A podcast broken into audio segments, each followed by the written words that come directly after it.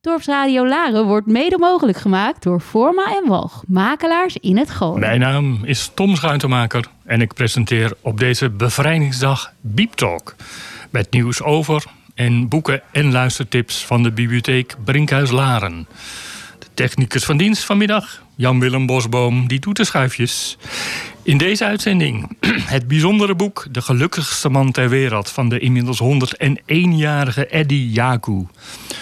Scheenbevluchten, het nieuwste boek van Helen MacDonald. Een gedicht over vrijheid van Mustafa Stitou. Twee verhalen over de bevrijdingsdag in 1945.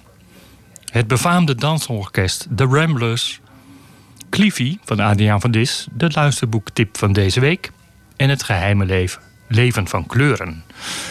Maar natuurlijk eerst muziek. We beginnen met het debuut uit 2015 van de Amerikaanse singer-songwriter Charlie Puth, die bekend werd door een optreden in de show van Ellen DeGeneres.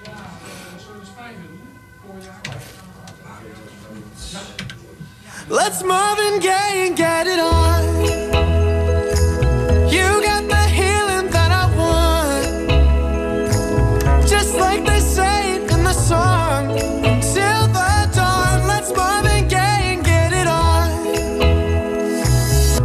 Got this king size to ourselves.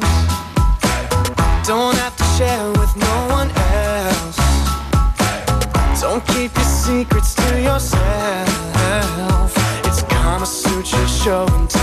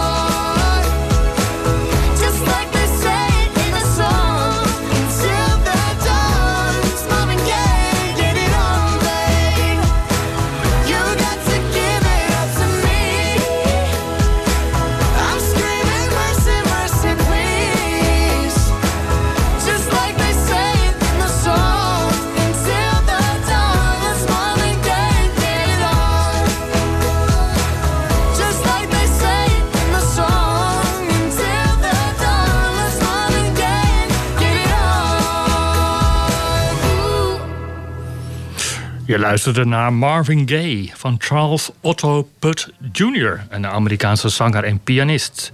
Hij werd bekend in 2011 toen hij mocht optreden in de Ellen DeGeneres Show. In 2015 brak hij internationaal door met de singles See You Again en dit Marvin Gaye. Een grensloos optimisme typeert een boek dat twee weken geleden hier in Nederland is uitgekomen en dat we momenteel in bestelling hebben. De gelukkigste man ter wereld van de Australiër Eddie Jaku. Dit boek staat al wekenlang bovenaan de bestsellerslijsten in zijn uh, thuisland Australië. In De Gelukkigste Man ter Wereld deelt Edu Jaku hoe hij dankbaarheid, goedheid en hoop vond in de donkerste tijden. De inmiddels 101-jarige Eddie, en dat hoort u goed, het is geen storing, maar 101-jarige Eddie Jaku groeide op als Joodse jongen in Leipzig, Duitsland. Hij was trots op Duitsland, maar dat veranderde allemaal in november 1938 toen hij werd mishandeld, gearresteerd en naar een concentratiekamp werd gebracht.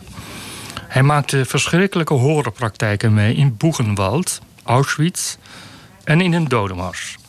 Hij verloor familie, vrienden en zijn vaderland.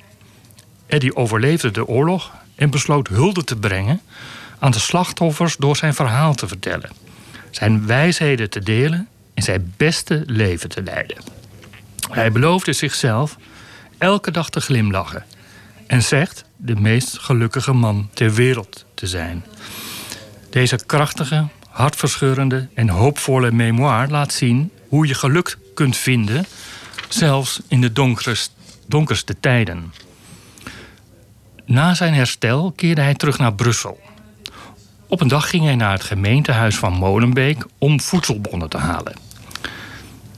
Hij werd ontvangen door een Bali-medewerker die zag dat hij een tatoeage met zijn kampnummer op zijn arm had.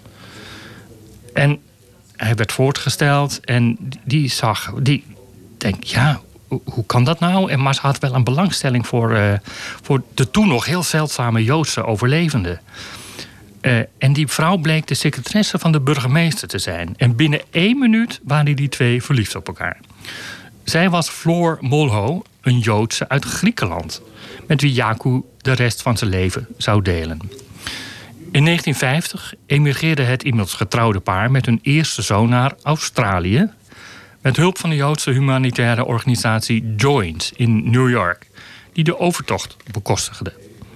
Zodra het kon, heb ik het geld terugbetaald, zegt uh, Jaku. Dat hoefde helemaal niet, zei Joint. Dat heeft nog nooit iemand gedaan, zeiden ze.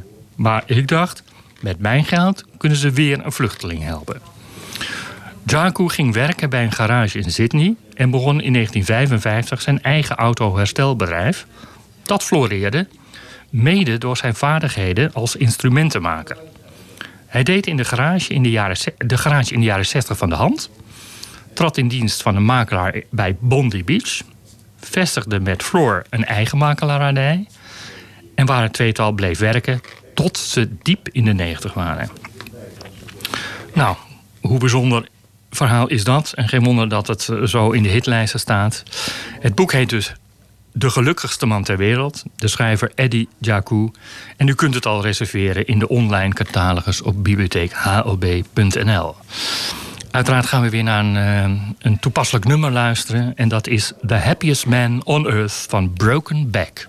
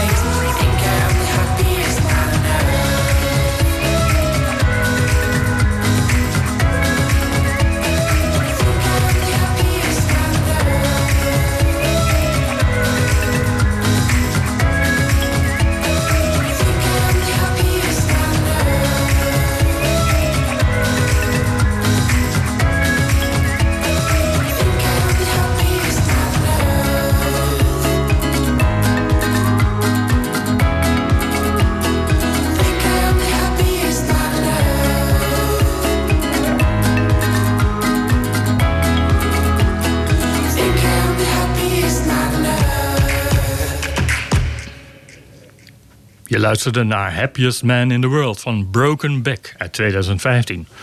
Broken Back, denk een vreemde artiestennaam is dat, maar dat is het pseudoniem van de jonge Bretonse singer-songwriter Jérôme Vanier, die in 2012 plotseling langdurig aan zijn bed gekluisterd was door, letterlijk, een gebroken rug, gevolgd door een psychische inzinking.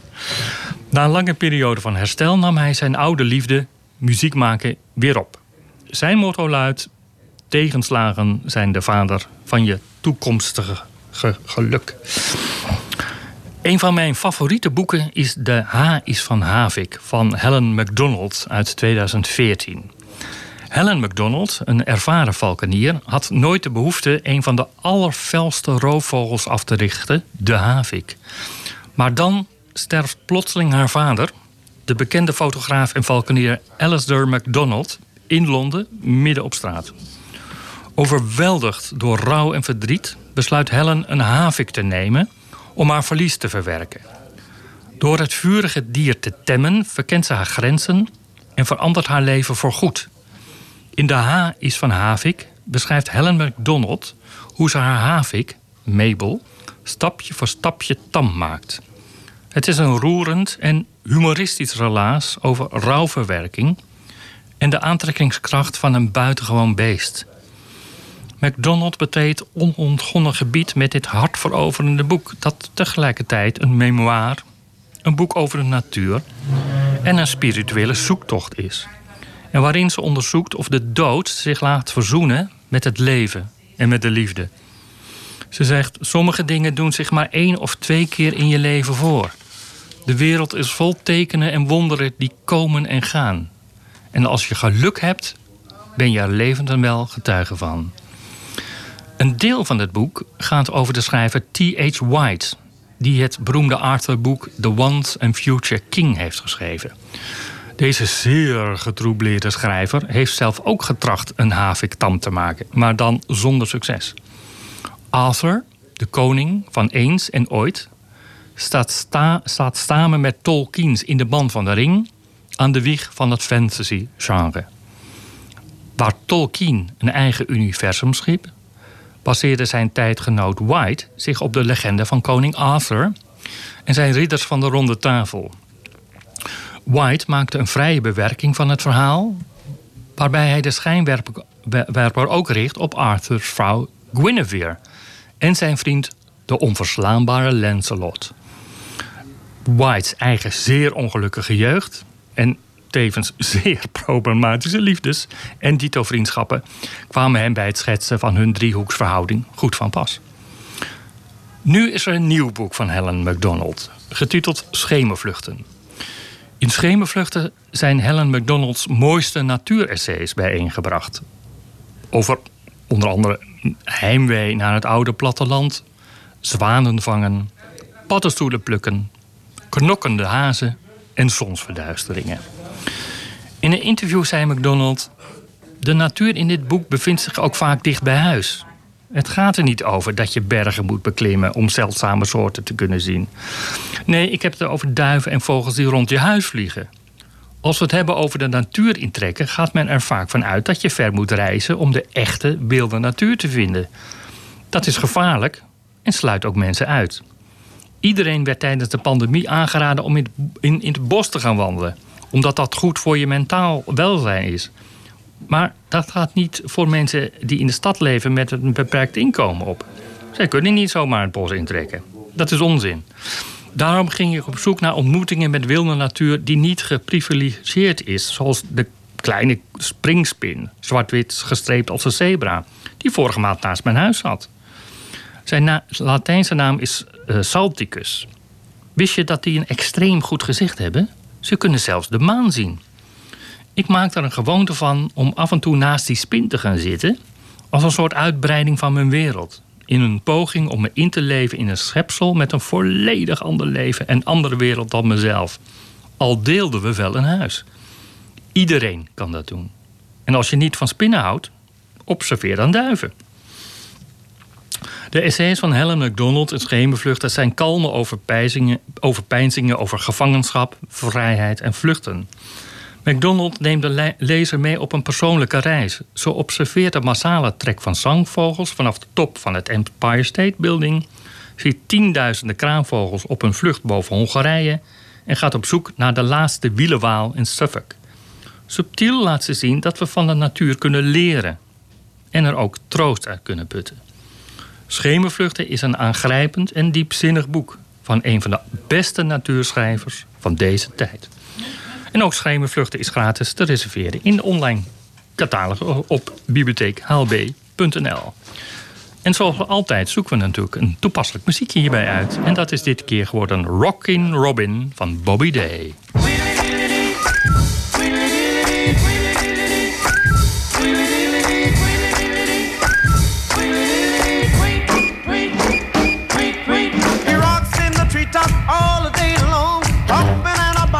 Song. All the little birds on Jaybird Street love to hear the robin go tweet, tweet, tweet. Rockin' Robin, tweet, tweet, rock, rock, rockin' Robin, tweet, tweet.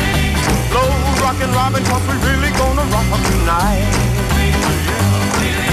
Every little swallow, every chickadee, every little bird in the tall oak tree. The wise or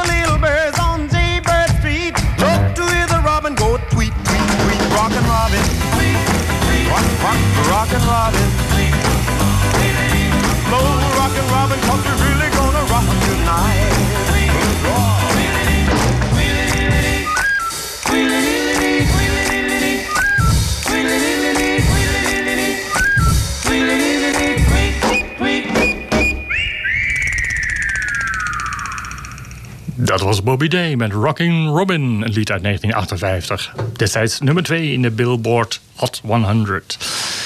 Mijn mede-presentator en collega Dasha Koot en ik zijn liefhebbers van poëzie in al zijn vormen. Daarom dragen wij in elke uitzending van Beep Talk een gedicht voor.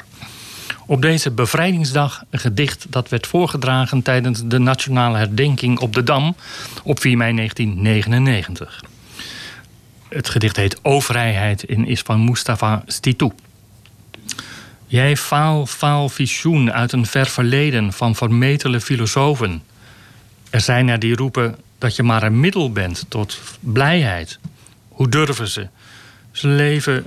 Ze heeft niet, heeft niet het leven juist omwille van jouw ontelbare levenden afgestaan? Slapen in jouw schoot niet rechten en plichten zacht? O vrijheid, ben je maar een faal visioen? Of ben je de grond, onvervreembare grond voor ons diersbaars te doen? Ons meest achterloze laten. Mustafa Stitou, geboren in 1974 in Marokko, maar getogen in Nederland, publiceerde eh, eh, als eerste dichter van Marokkaanse afkomst een dichtbundel in het Nederlands. Hij won verschillende prijzen, waaronder de Jan Kampertprijs, de VSB, Poëzieprijs, de A. Water Poëzieprijs en de A. Roland Holst Penning. We gaan luisteren naar Freedom van Raccoon.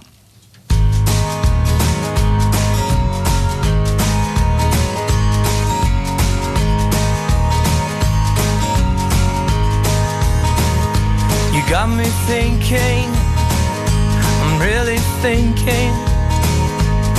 Don't want a palace, just a roof. You tend to melt, I'm waterproof. You got me thinking, I'm really thinking. You wanna drop, make sure you bounce. You need a little, don't take an ounce. So, the book we're living in. I read it twice and I don't want the blood to Although it's beautiful and you are lovely, still I'll be damned if I let you take my freedom. Freedom. Freedom freedom. You got me thinking, yeah, I'm merely thinking. Wanna grow, you'll have to learn. To put it out, it has to burn. So, how am I gonna tell you stuff that I don't know myself? You need a minute, don't take an hour. I'll drink the milk, but not when it's sour. This book we're living in. I've read it twice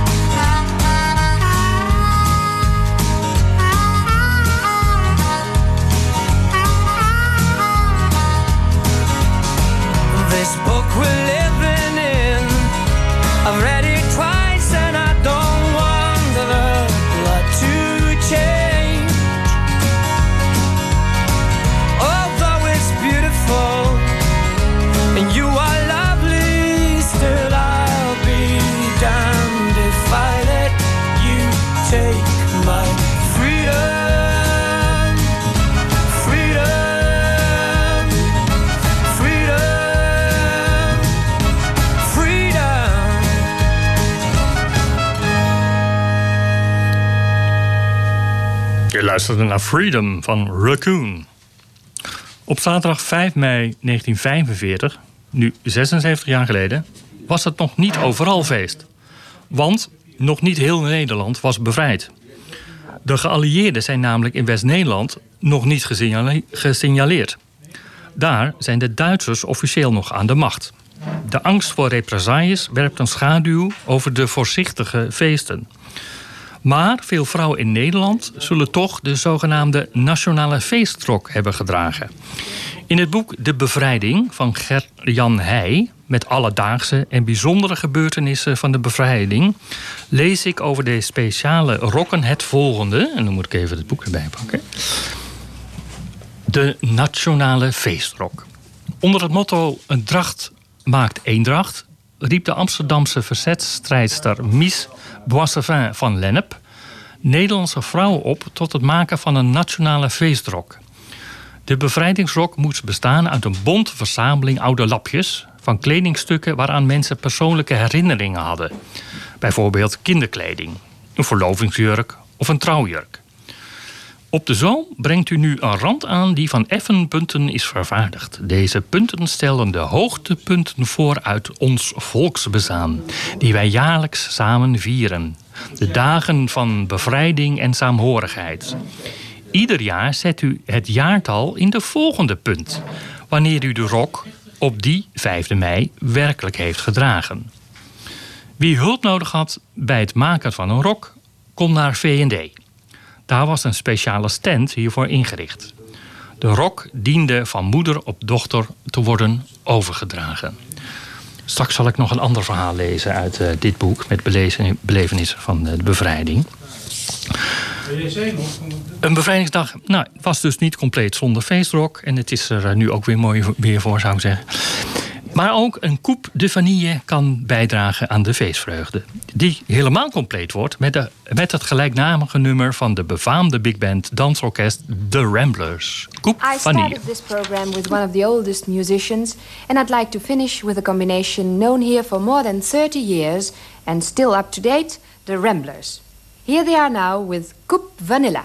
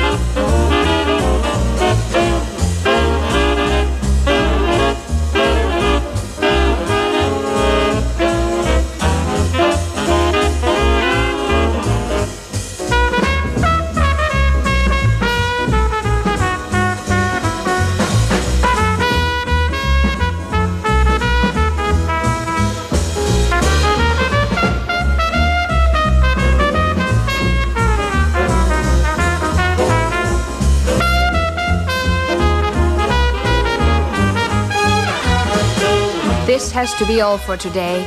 I hope you'll listen next time when I tell you some more about Dutch music and artists. Do you have any comment? Please drop a line to this station. I'm saying goodbye now, and thanks for listening.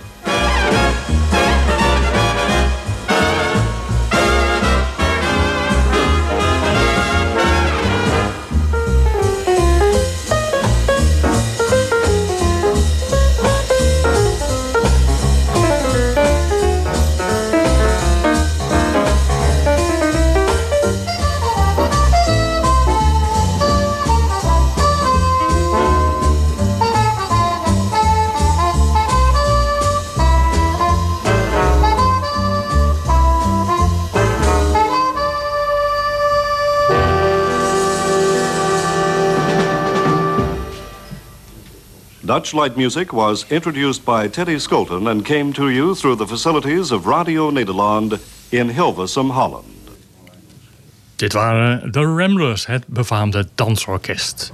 In 1933 gaven zij hun eerste radioconcert bij De Vara. En er zouden er nog meer dan 2000 volgen. Vanaf 1936 werden de Ramblers zelfs het vaste huisorkest van deze socialistische omroep. De Ramblers introduceerden zo de swing in Nederland. En ze zijn het enige radioorkest uit de begintijd van ons omroepbestel dat nog altijd bestaat. In de uitzending van Applaus voor, hier op Dorpsradio Laren, van komende zaterdag 8 mei, en uit mijn hoofd zeg ik dan van 2 tot 4, ontvangt René Ransijn Kees Kranenburg. Drummer Kees Kranenburg is pas 15 wanneer hij het Loosdrechts Jazz Festival wint. Hij speelt in de jaren 60 enkele jaren in de populaire band The Jumping Jewels. Voordat hij deel uitmaakt van de Ramblers, het jazzorkest waar, hij, waar zijn vader sinds de oprichting in heeft gezeten. Kranenburg zit daarna in de bezetting eh, van de Skymasters en van het Metropole Orkest. In zijn carrière speelt hij met talrijke internationale grootheden, onder wie Dizzy Gillespie, Chet Baker, Herbie Hancock, Rhoda Scott, Toets Tielemans, Madeleine Bell en Gregory Porter. Dus niet de minste. Ook de gast in die uitzending aanstaande zaterdag van Applaus voor zijn Frans Bianchi en Nol van Bennekom. Die alles gaan vertellen over het boek Maar wij komen terug. Waarvan het manuscript in de hongerwinter van 1944-1945 werd geschreven door de oprichter en leider van het iconische radioorkest The Ramblers. Dat was Theo Uden, Uden Masman. En een boek dus over de eerste jaren van het orkest. Dat ook zeer regelmatig optrad in Hotel Hamdorf in Laren. Het beroemde affiche van Eelco ten Harmse van Beek... De Ramblers dansen in Hamdorf-Laren uit 1937...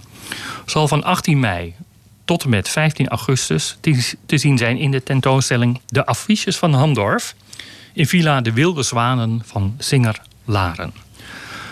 Dus van harte aanbevolen de uitzending van Applaus voor aanstaande zaterdag. We gaan luisteren naar, ik noemde hem al, Chad Baker, There Will Never Be Another You.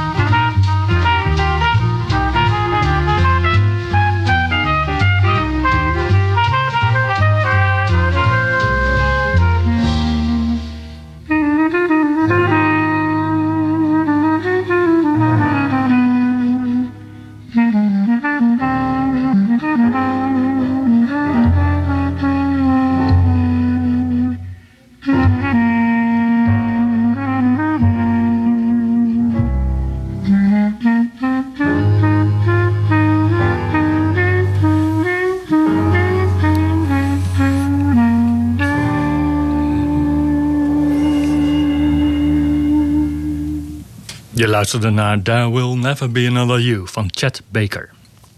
Het is nu weer tijd voor de luisterboekentip van deze week. Mijn collega Jannie Vriends heeft weer een aantal boeken geluisterd en een favoriete titel uitgekozen.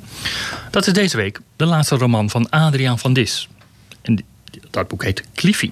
En de titel verwijst naar klimaatfictie. Klimaatverandering is dan ook meteen een van de thema's, evenals vluchtelingen en machtspolitiek. Dan denk je misschien, wauw, wat een taaie kost. Maar Van Dis weet deze thema's met een oer-Nederlands literair sausje te overgieten tot een bijzondere science fiction roman, vol met ironie en waarschuwingen. Met name ook een waarschuwing dat democratie en vrijheid een heel kwetsbaar goed zijn. Het boek speelt zich af in de nabije toekomst, waarin een deel van Nederland is beschadigd door een orkaan. Nederland is inmiddels een republiek geworden, waar de Oranjes zijn verjaagd. De president reageert met harde hand, want dictators nemen tenslotte snelle en adequate beslissingen. En daar is in tijd van chaos behoefte aan.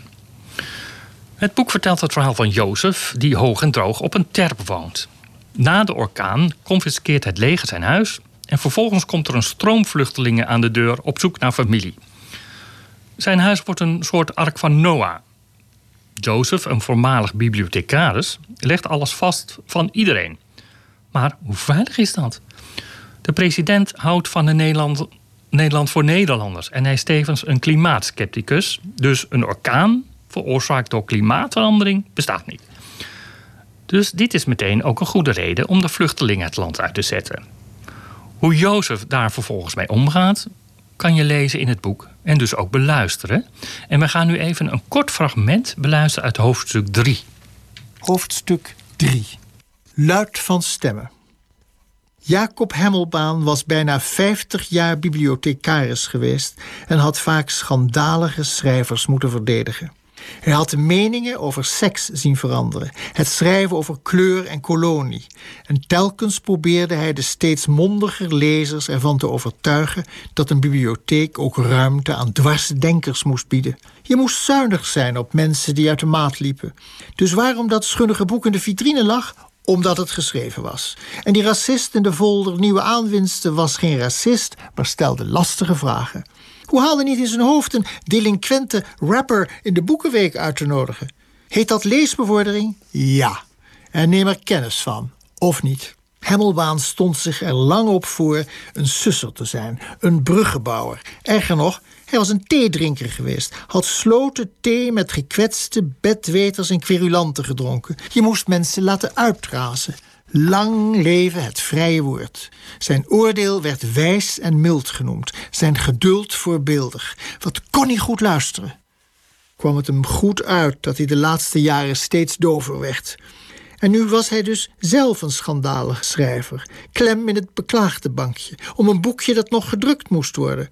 Maar hoe het ook gromde van binnen, ook dit keer zou hij de confrontatie aangaan. Verplaats je je tegenstander, een mooi voornemen, maar het ging hem steeds moeilijker af. Het boek zet je aan het denken, zegt mijn collega Jannie, en houdt je een spiegel voor. Wat zou jij doen?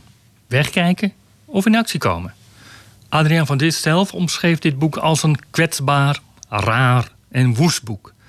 Hij gaf in een interview ook aan dat hij nog een keer een boek wilde schrijven waarbij hij zich niks wilde aantrekken van wat men ervan vond. In de papieren versie van het boek heeft Van Dis gebruik gemaakt van een bijzonder fraaie typografie. En ja, die mis je uiteraard bij het luisterboek. Maar daar staat tegenover dat het boek wordt voorgelezen, u hoort het, door Van Dis zelf. En dat is weer een meerwaarde ten opzichte van de papieren versie. Cliffy staat momenteel hoog in de bestsellerlijsten en of dat terecht is, kan je dus nu zelf gaan beoordelen door het boek te downloaden uit de online Biep-app. Meer informatie vind je op de website van de bibliotheek. En dan heb ik nog een uh, nieuwtje. Adriaan van Dis komt naar Laren, naar de Brinkhuis, hier in dit Brinkhuis. Duurt nog even, 5 november. En uh, u kunt nog geen kaarten kopen, maar tegen die tijd. Maar dan weet u dat. Hij komt naar Laren. De volgende muziek heeft iets met de orkanen te maken. Want het boek, eh, zoals ik zei, eh, gaat over een orkaan. Um, en in 2007 verscheen het dubbelalbum Hurricane Relief. Come Together Now. Een benefiet voor de slachtoffers van de orkanen Katrina en Rita.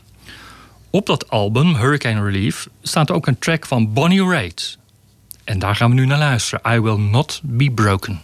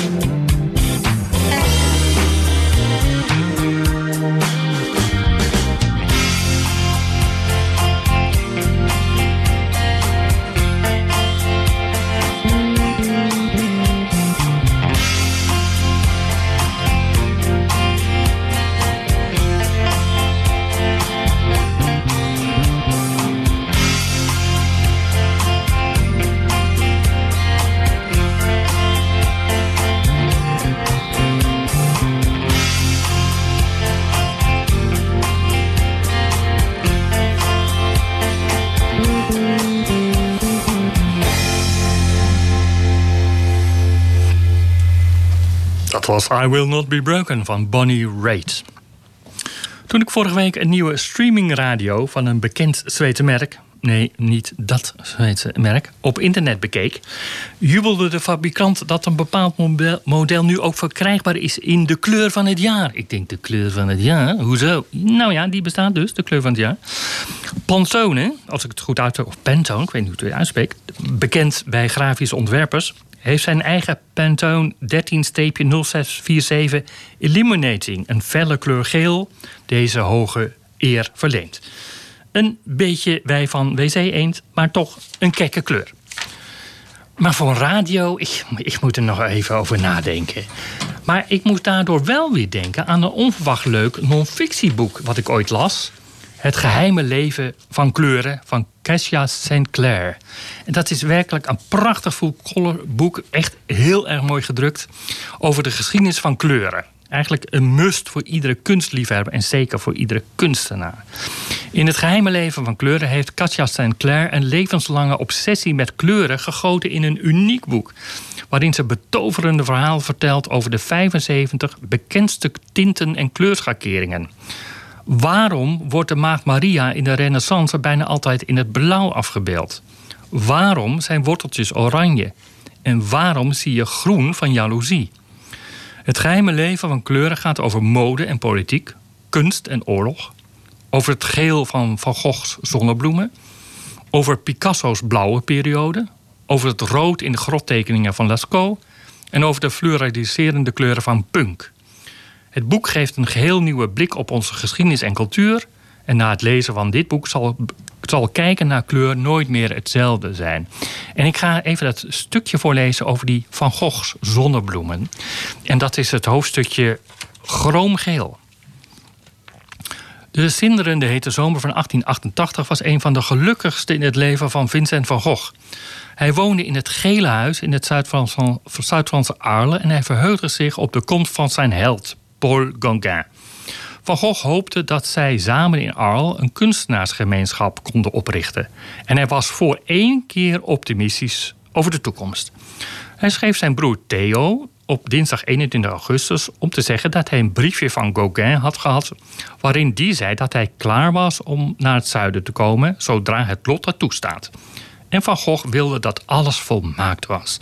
Hij begon aan een serie zonnebloemschilderijen met het plan om zijn hele atelier daarmee vol te hangen. Hij vertelde Theo dat hij ze schilderde met de gusto van een Marceliaan die bouillabaisse eet. En hij hoopte dat ze een symfonie werden van harde of gebroken gelen en blauwen van het lichtste Veronese tot koningsblauw omlijst met dunne vegen in oranje lood. Het enige wat kennelijk zijn tempo vertraagde was de natuur zelf. Hij merkte dat hij alleen s'morgens vroeg kon werken, omdat de bloemen snel verwelken. En je alles dus in één keer moet afmaken. De avant-garde kunstenaars van die tijd konden beschikken over prachtige verzadigde tinten rood en blauw, maar ze misten een even goede versie van de derde primaire kleur, geel.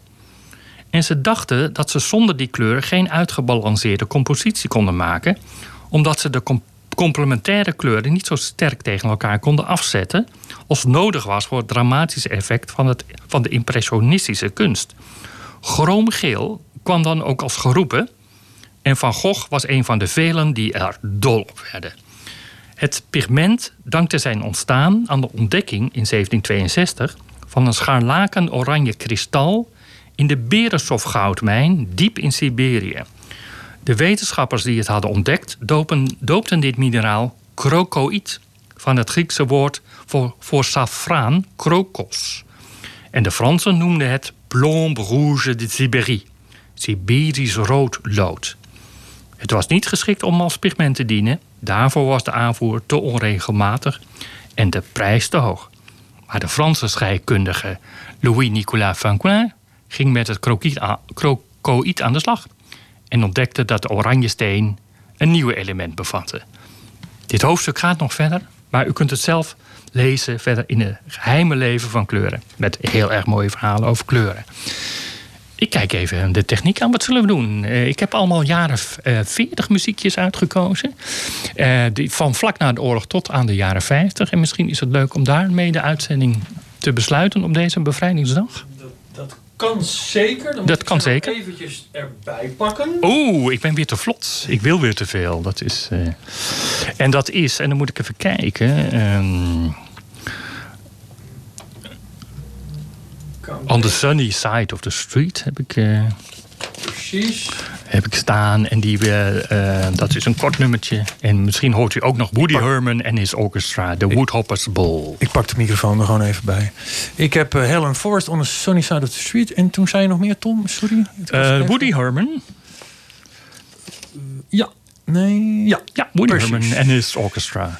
Even kijken en dan gooien we. Ja, ik moet even wat doen, sorry. Ik ja, dat heeft niet. Maar dit, dan, eruit. dan hoorden de mensen dat het uh, helemaal live is. Helemaal niet ingeblikt. Nee.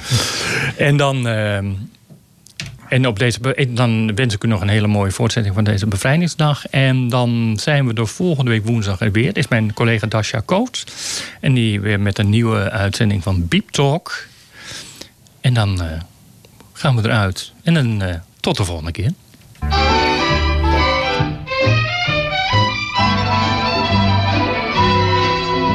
Grab your coat and get your hat. Leave your worries on the doorstep. Just direct your feet to the sunny side of the street. Can't you hear that bit of bad? Oh, that happy tune is your step. Life can be so sweet on the sunny side of the street. I used to walk in the shade with those blues on parade, but now I'm not afraid. This rover crossed over. If I never have a cent, I'll be rich as Rockefeller. Gold dust at my feet on the sunny side of the street.